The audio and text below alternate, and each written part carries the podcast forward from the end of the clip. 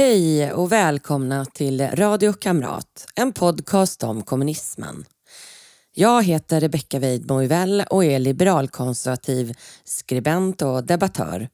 Och syftet med Radio Kamrat det är att fylla det hål av kunskap om kommunismens förtryck som finns och som gör att kommunister trots all fakta ändå anses rumsrena.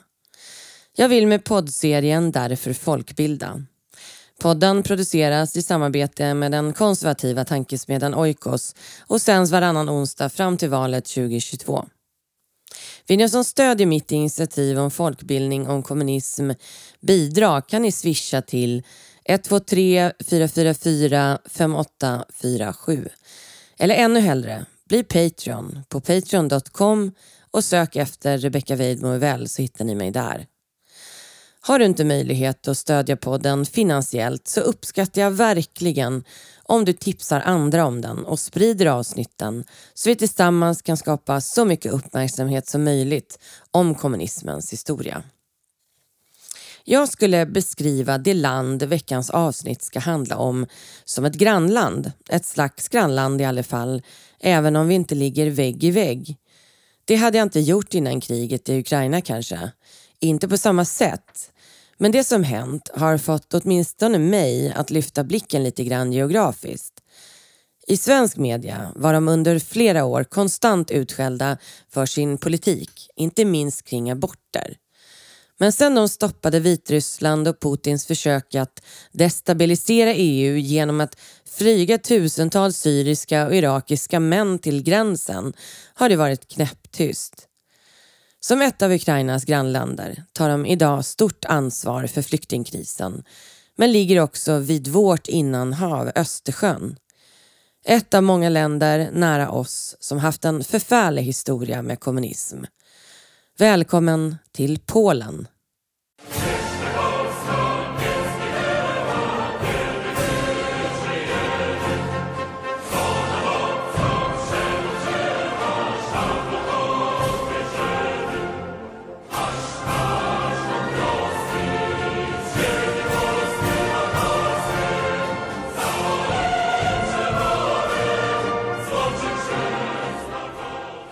För så länge sedan som 500 000 år sedan bosatte sig stenåldersfolket Homo erectus i vad som senare blev dagens Polen. Även om det ogästvänliga klimatet inte ledde till helt permanenta bosättningar då. Först eh, 10 000 år före Kristus, när klimatet var rimligare, bosatte sig Homo sapiens i området. Perioden mellan bronsåldern och tidiga järnåldern År 1300 till 500 år före Kristus ökade bosättningarna då den lusatiska kulturen utvecklades. Under antiken kom ett flertal stammar att bosätta sig där. Germaner, kelter, slaver och balter. Men de som kom att dominera var den polska stammen som migrerade dit under 500-talet. De hade slaviskt ursprung men assimilerade sig med de som bosatt sig där innan. Under 900-talet dominerades Polen av den polska stammen. I mitten av 900-talet började en stat formera sig under den så kallade Piast-dynastin under Polens första historiska kung, hertig Mieszko. Namnet Piast kommer från dynastins påstådda grundare, julemakaren Piast Kolodziej, som ska ha levt på 800-talet.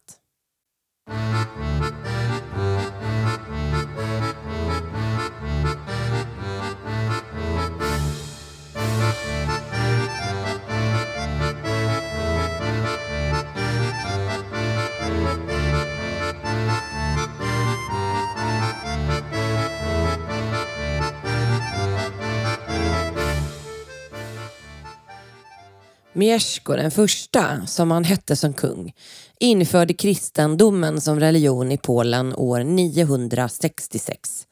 Han dog 992 och hans son Boleslav den modige tog över eh, för att han fördrev sina bröder från landet först då hans far egentliga vilja var att bröderna skulle dela på tronen och landet. Boleslav jobbade på att öka sin makt genom att införliva fler och fler områden i kungariket Polen som Gdansk, Krakow, Kiev och Mären. I de nordiska sagorna omnämns han som Burislev och sägs ha haft god kontakt med både Erik Segersäll i Sverige och Sven Tveskägg i Danmark. Erik Segersäll är en av de första svenska kungarna som man vet något om och man tror att han kan ha regerat över Västergötland, Östergötland och Svealand mellan 970 och 995. Under mitten av 1200-talet invaderade mongolerna Östeuropa. Vid den tiden hade Polen splittrats i fem hertigdömen. År 1264 etablerades en judisk fristat för de förföljda judarna i Europa dit många flyttade. Först år 1320 enades Polen igen under Władysław den korte. Han efterföljdes av Kasimir den store 1333 som började bygga en massa slott, utvecklade armén och diplomatin. Under hans ledning förvandlades Polen till en stor europeisk nation. Han lyckades också förhindra en stor epidemi av svarta pesten genom att införa karantän. År 1364 grundade han universitetet i Krakow, ett av de äldsta lärosätena i hela Europa. När han dog 1370 gick Piastdynastin också graven.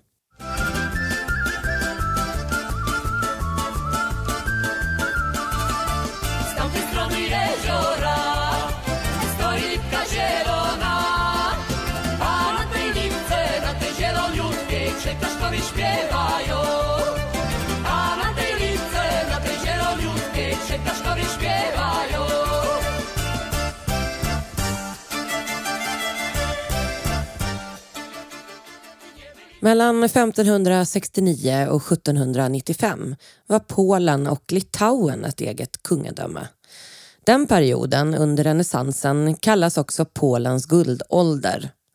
Då växte kungariket till en miljon kvadratkilometer och hade 11 miljoner invånare. Landet var en stor exportör av säd, trä, salt och tyg till hela Östeuropa. Alla områden man tog tvingades genomgå en polskifiering och polskan blev ett stort språk i Europa.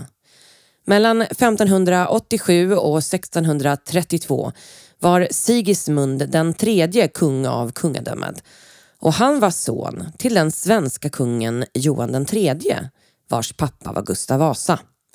Mest känd är han kanske för att han fängslade sin bror Erik den fjortonde. Sigismund III var alltså svensk men kung över Polen och Litauen och över Sverige åren 1592 till 1599. Han förlorade makten i Sverige till sin farbror hertig Karl som krigade mot honom. Och hertig Karl blev sedan kung Karl den nionde år 1604. Har ni liksom jag funderat på de höga regentnumren vissa svenska kungar har? Liksom brodern Erik den XIV tog han sitt höga regentnummer 9 på grundval av fantasifulla regentlängder.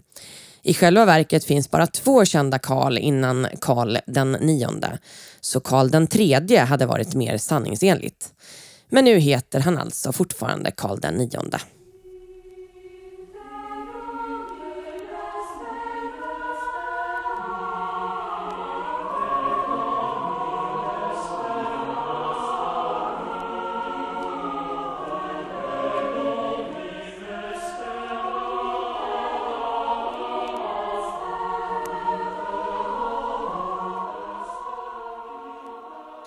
I slutet av 1700-talet slutade Polens guldålder och den då svaga nationen blev ett lätt byte.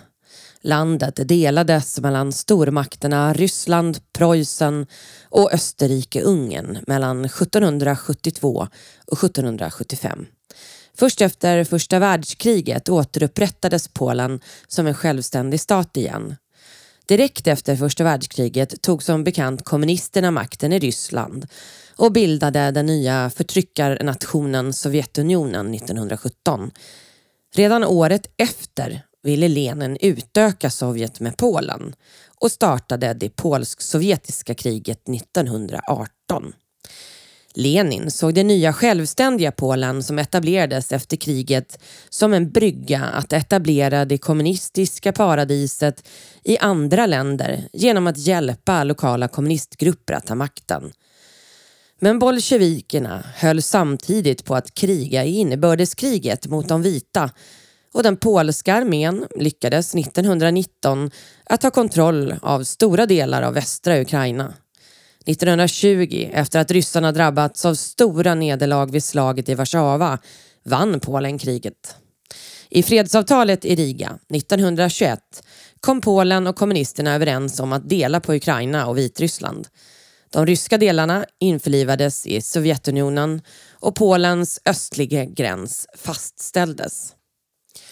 Det geografiska läget mellan två makter, Tyskland och Ryssland, har under lång tid gjort Polen geopolitiskt intressant för de båda.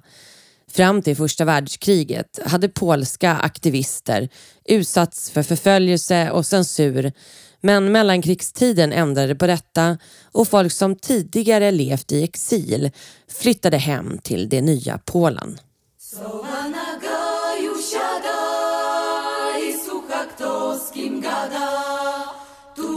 tu noc,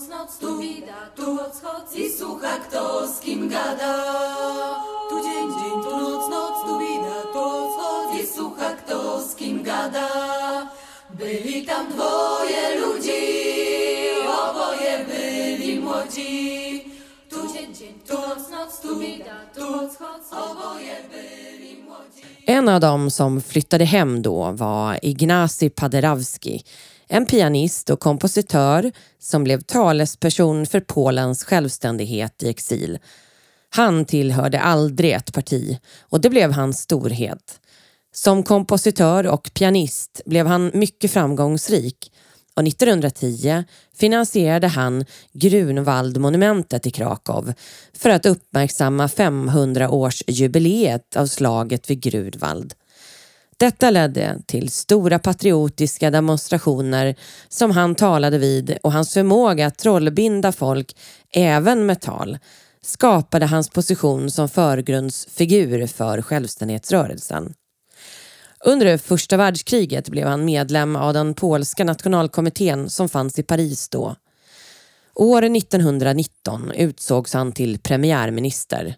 Han skrev i den rollen under Versaillesfördraget, vilket erkände Polens självständighet efter kriget. Han införde demokratiska val, införde lagar som skyddade etniska minoriteter och etablerade ett nytt statligt utbildningssystem. Men han visade sig vara en rätt dålig politiker generellt och dålig administratör och han avgick efter bara tio månader. Hans legacy kvarstår dock som en av det moderna Polens grundare. Weterani armii polskiej.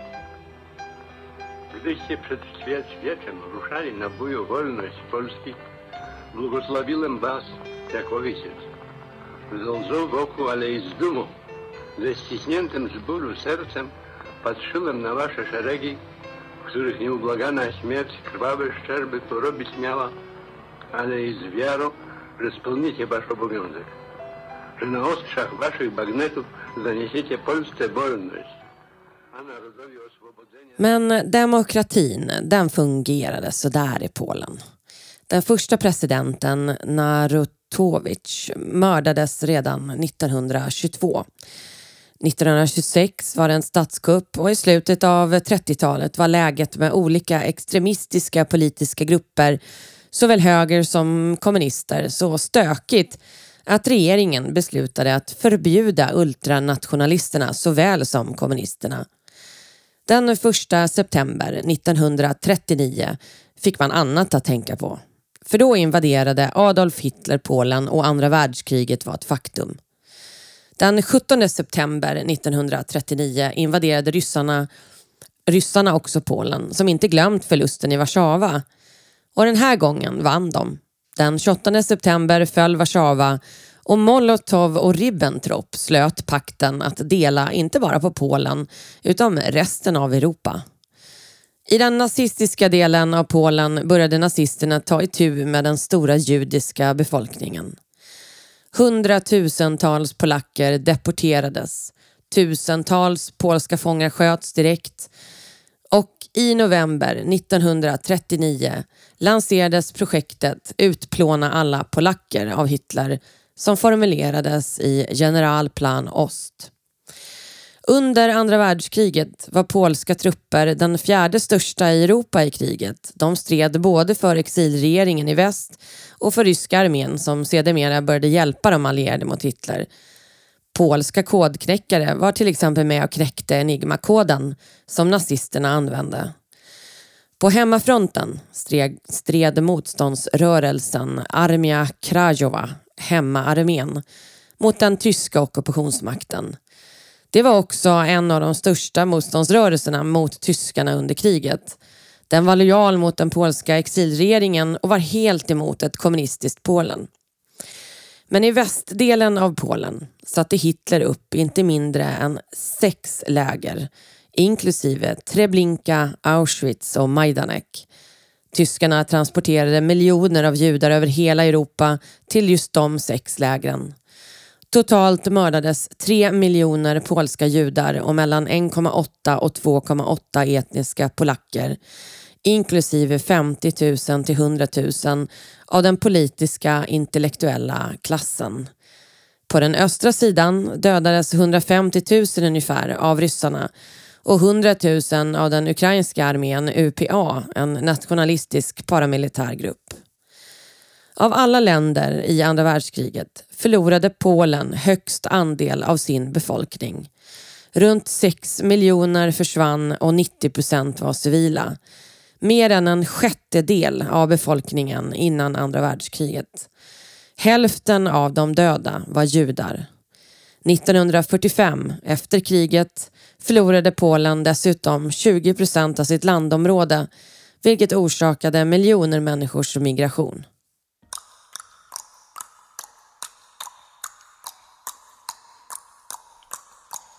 Hej tam, gdzie zna czarnej wody, siada na koń kozak młody. Czule żegna się z dziewczyną, jeszcze czule z Ukrainą. Hej, hej, hej, sokoły, omijajcie góry, lasy, doły. Dzwoń, dzwoń, dzwoń, dzwoneczku, mój stepowy skowroneczku. Hej, hej, hej, hej,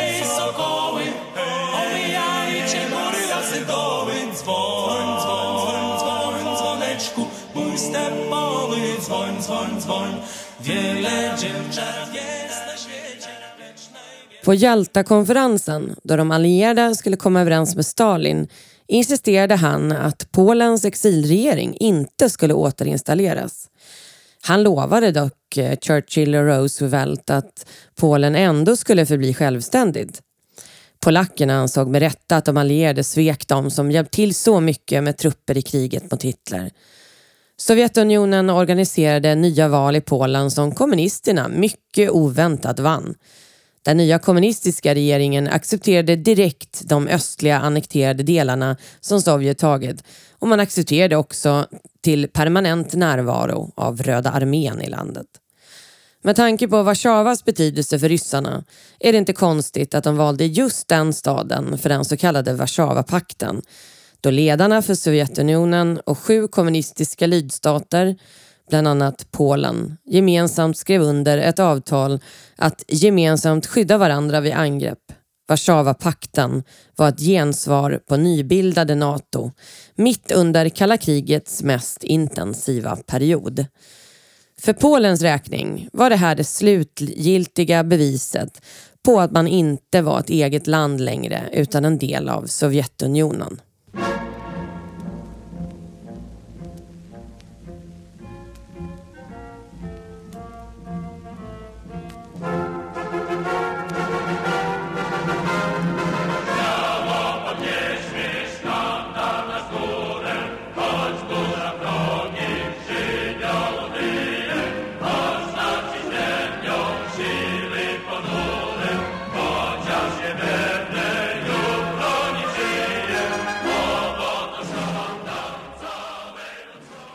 Den polska kommunismen uppstod som så många andra i slutet av 1800-talet. Rosa Luxemburg var inte som många kanske kan tro tysk, utan polsk. Och hon var med och grundade det marxistiska polska socialdemokratiska partiet i Polen och Litauen. Som väldigt många andra kommunistiska partiet var de i grunden socialdemokrater.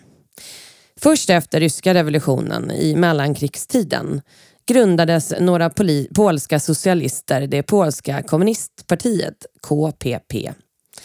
Men de flesta av KPPs ledare försvann under Stalins stora utrensning på 30-talet och partiet uteslöts helt från Komintern 1935. 1942 startade polska kommunister uppbackade av Sovjet ett nytt parti, det polska arbetarpartiet PPR.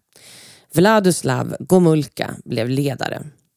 Därefter grundade Stalin ihop med den polska kommunisten och journalisten Wanda Wasilewska Polska Patrioters sällskap. Hon flydde Polen när nazisterna attackerade Warszawa 1939 och reste till Sovjetockuperade Lviv i Ukraina. Organisationen förkortades ZPP och kontrollerades inofficiellt av Stalin personligen.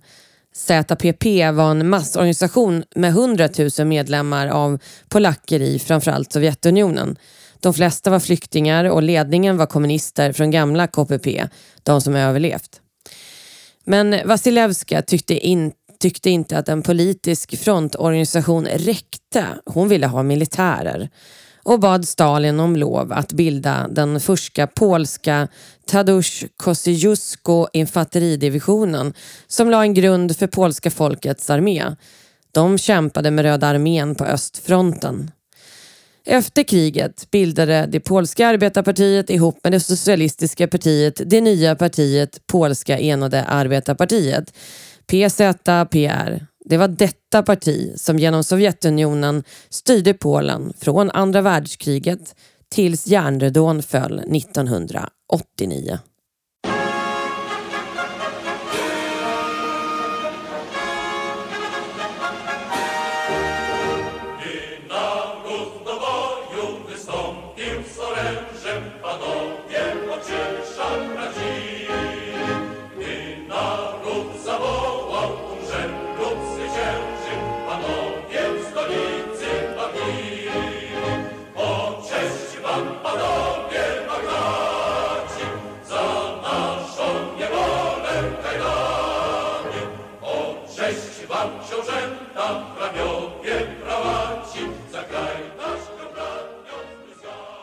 PZPR grundades officiellt 1948 och från 1952 fungerade dess första sekreterare i praktiken som landets diktator. PCPR höll tät kontakt med bröderna i DDR, Sovjet och Tjeckoslovakien särskilt. Mellan 1948 och 1954 registrerades 1,5 miljoner människor som medlemmar och 1980 var siffran 3 miljoner. Redan från början, när man skulle sammanföra de två partierna till en, löste man problemet med att alla inte ville det här, som alla kommunister. Eh, man uteslöt helt enkelt personerna. De som inte ville vara en del av Sovjet anklagades för att vara högernationalister. En också populär gren när man ska bli av med konkurrensen inom kommunistiska partiet. Så där rök Vladislav Gomulka som satt som ledare 1947 till 48. Ny ledare blev Boleslav Bierut. Han var gammal NKVD-agent, hårdför stalinist och var partiets första sekreterare 1948 till 56. Han var ledande i att installera stalinismen i Polen och installera den förtryckarapparat som alltid har varit förutsättningen för att kunna upprätthålla kommunistiska länder. Boleslav Bierut föddes i Lublin som yngst av sex barn i en bondefamilj. Han gick inte mer än några år i skolan men utbildade sig senare själv via självstudier. Han började jobba vid 14 och blev kommunist redan 1912. Han var medlem i bolsjevikerna från 1927 och spenderade en tid i Sovjetunionen senare där han bland annat arbetade för Komintern och undervisade på Leninskolan. Den 5 februari 1947 svors han in som president över Polen efter det val som riggats av Sovjet. I november samma år höll han ett tal i radio om kulturen. Den konstnärliga och kulturella kreativa processen ska reflektera de stora genombrott nationen upplever nu. Den borde, men ännu inte är det så. Jag kräver större centralisering och planering i kulturen för att utbilda folket. Talet var grunden för införandet av socialistisk realism, den fria konstens död.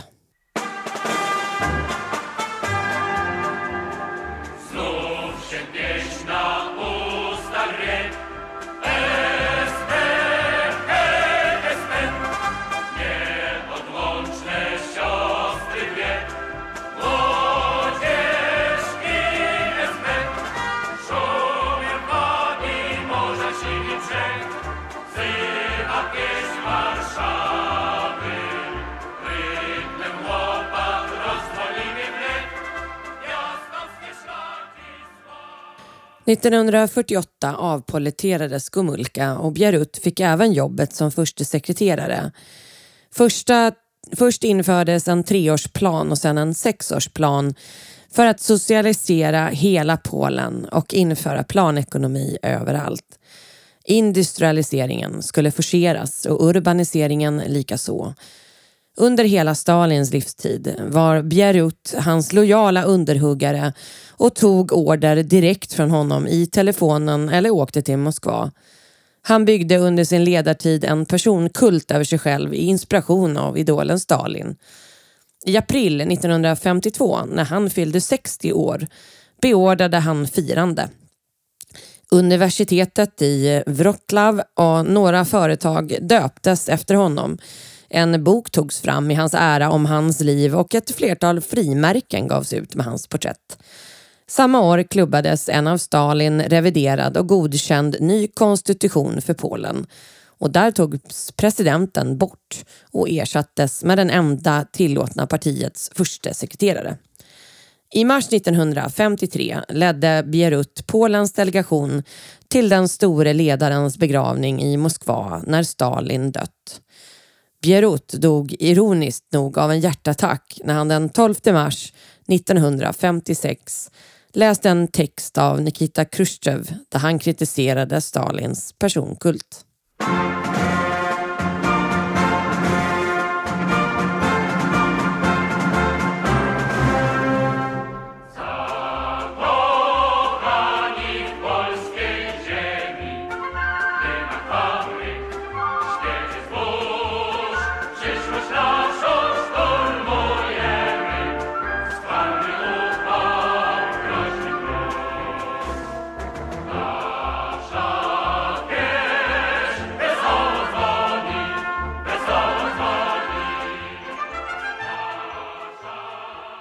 Inget kommunistiskt land har kunnat skapats utan att tidigt ha börjat med förtryckarapparaten, Säkerhetspolisen.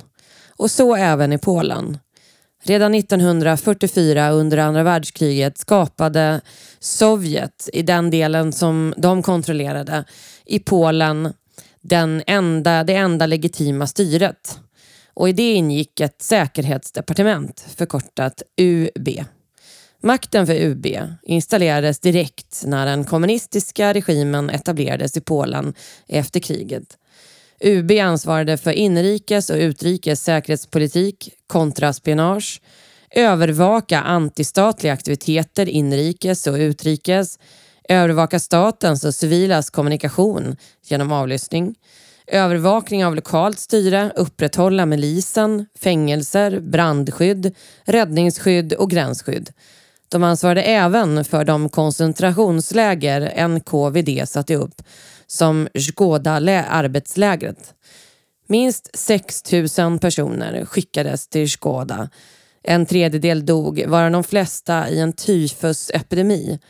Offren slogs och torterades regelmässigt och fångvaktarna, inklusive lägerledaren Morel själv, brukade stapla levande offer ovanpå varandra i pyramider upp till sex lager höga.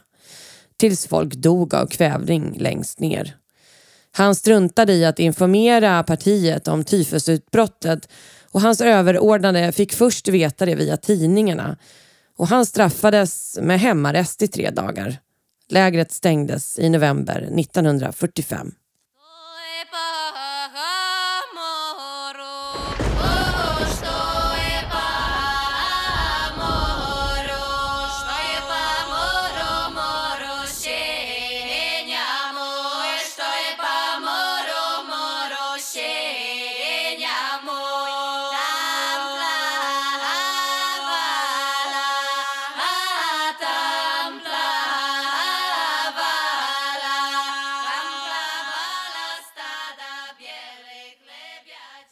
I mitten av 1950-talet arbetade 32 000 människor på UB. De hade även kontroll över 41 000 soldater, 57 000 i milisen, 32 000 gränspoliser, 10 000 fångvaktare på fängelser och 125 000 i frivilliga reserven av folkets milis, en paramilitär polis för specialuppdrag. UB infiltrerades såklart från start av Sovjet och NKVD och KGB. 1945 blev Ivan Serov chef över KGB, tidigare rådgivare till UB. Och han såg direkt till att kidnappa och tortera 16 polska toppolitiker som varit med i motståndsrörelsen. I en skenrättegång dömdes alla till döden. Motståndsrörelsen Hemmaarmén var ett särskilt rött skynke för kommunisterna eftersom de bekämpat både Stalin och Hitler parallellt. Mellan januari 1945 och oktober garanterades de amnesti och de lade då ner vapnen. Men UB tog alla direkt, arresterade dem, torterade dem och åtalade dem för förräderi. 50 000 personer antingen mördades eller skickades till läger i Sibirien och arbetsläger. Mellan 1944 och 1956 arresterades cirka 300 000 personer. Många dömdes till långa straff och 6 000 till dödsstraff direkt. En särskild disciplinlag hade instiftats för att kunna döma civila i militära rättegångar, inklusive ungdomar och barn. Vladislav Gomulka satt som diktator över Polen 1956 till 70. Han kom alltså tillbaka. Han tog beslutet att stötta Sovjet och Warszawapakten i Pragvåren 1968 när man tog över Tjeckoslovakien. Och under samma tidsperiod tillät han utbrott av antisionistpropaganda som var illa förtäckt antisemitism. Han arresterade protesterande studenter och ökade censuren.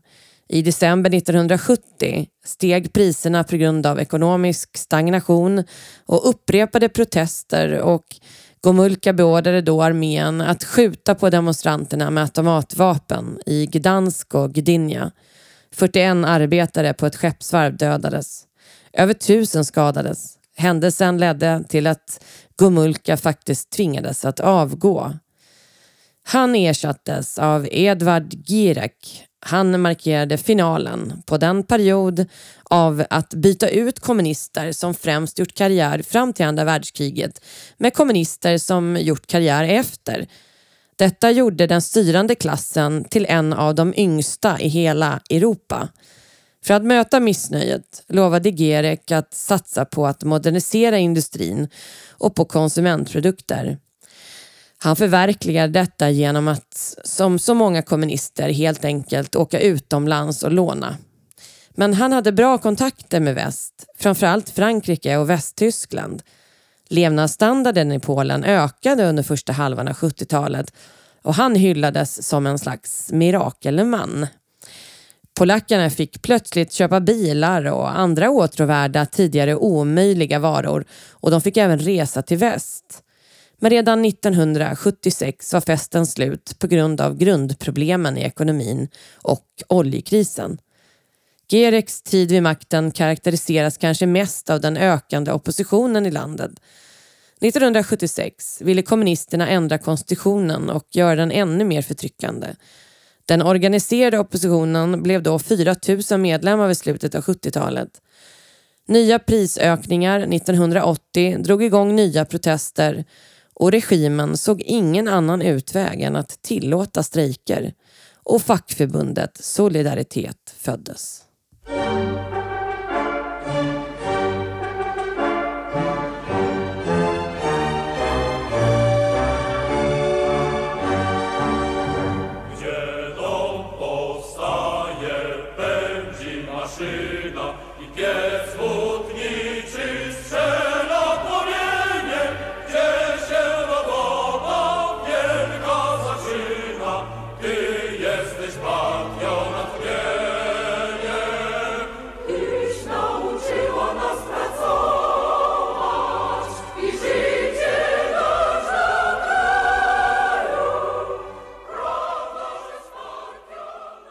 Solidaritets födelse börjar med att Anna Valentinovic sparkades från Leninvarvet i Gdansk den 7 augusti 1980. Bara fem månader innan hennes pension för att hon deltagit på ett möte med det olagliga handelsfacket. Arbetarna på varvet organiserade därför en strejk den 14 augusti Arbetarna låste in sig på varvet och krävde att få prata direkt med regeringen. På grund av det massiva folkliga stödet beslutade regimen att inte som 1970 svara med våld utan man gick med på vissa krav som att tillåta fackföreningar. Den 31 augusti 1980 bildades Solidaritet. Leninvarvet var vid tidpunkten en av Polens största arbetsplatser. En annan person som sparkats därifrån hette Lech Walesa. Han var en av de som deltog i strejken och grundandet av Solidaritet. I september 1980 hade Solidaritet 10 miljoner medlemmar. Men i december samma år genomförde regimen en liten oblodig statskupp efter krav från Moskva. Solidaritet förbjöds. Brezhnev och Kreml var nämligen oroliga över att frihetsbasillen skulle spridas. Och det hade de ju rätt i givet vad som hände senare på 80-talet. Tiotusentals medlemmar av Solidaritet fängslades inklusive Lech Walesa. Censur och andra restriktioner återinfördes. Men Sovjet kunde inte döda folkets frihetslängtan och Solidaritet fortsatte att verka genom passivt motstånd, genom maskning, bojkott, olagliga demonstrationer, underjordisk press och informationsspridning och med hjälp av allierade i väst. Man fick betydande stöd från katolska kyrkan och från CIA. 1988 tvingades man legalisera solidaritet igen och man tvingades förhandla. Resultatet blev att Polen i juni 1989 hade de första fria valen i östblocket och Solidaritet fick 92 av de 100 platserna i senaten och 161 av 162 platserna i parlamentet. I november 1989 föll järnridån och den 22 december 1990 valdes Lech Walesa till Polens president. I love Poland. Poland.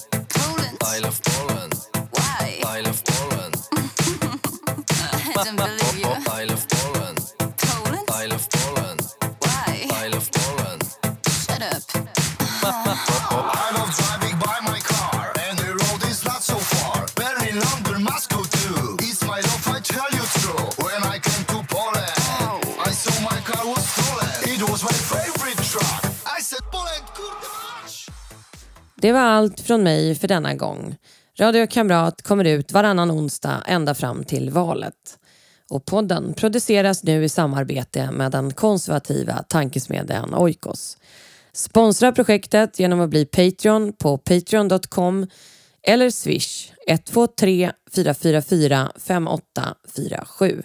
Och berätta gärna för fler om podden. För ju fler som lyssnar, desto mer påverkar vi. Tack för att ni lyssnat. På återseende.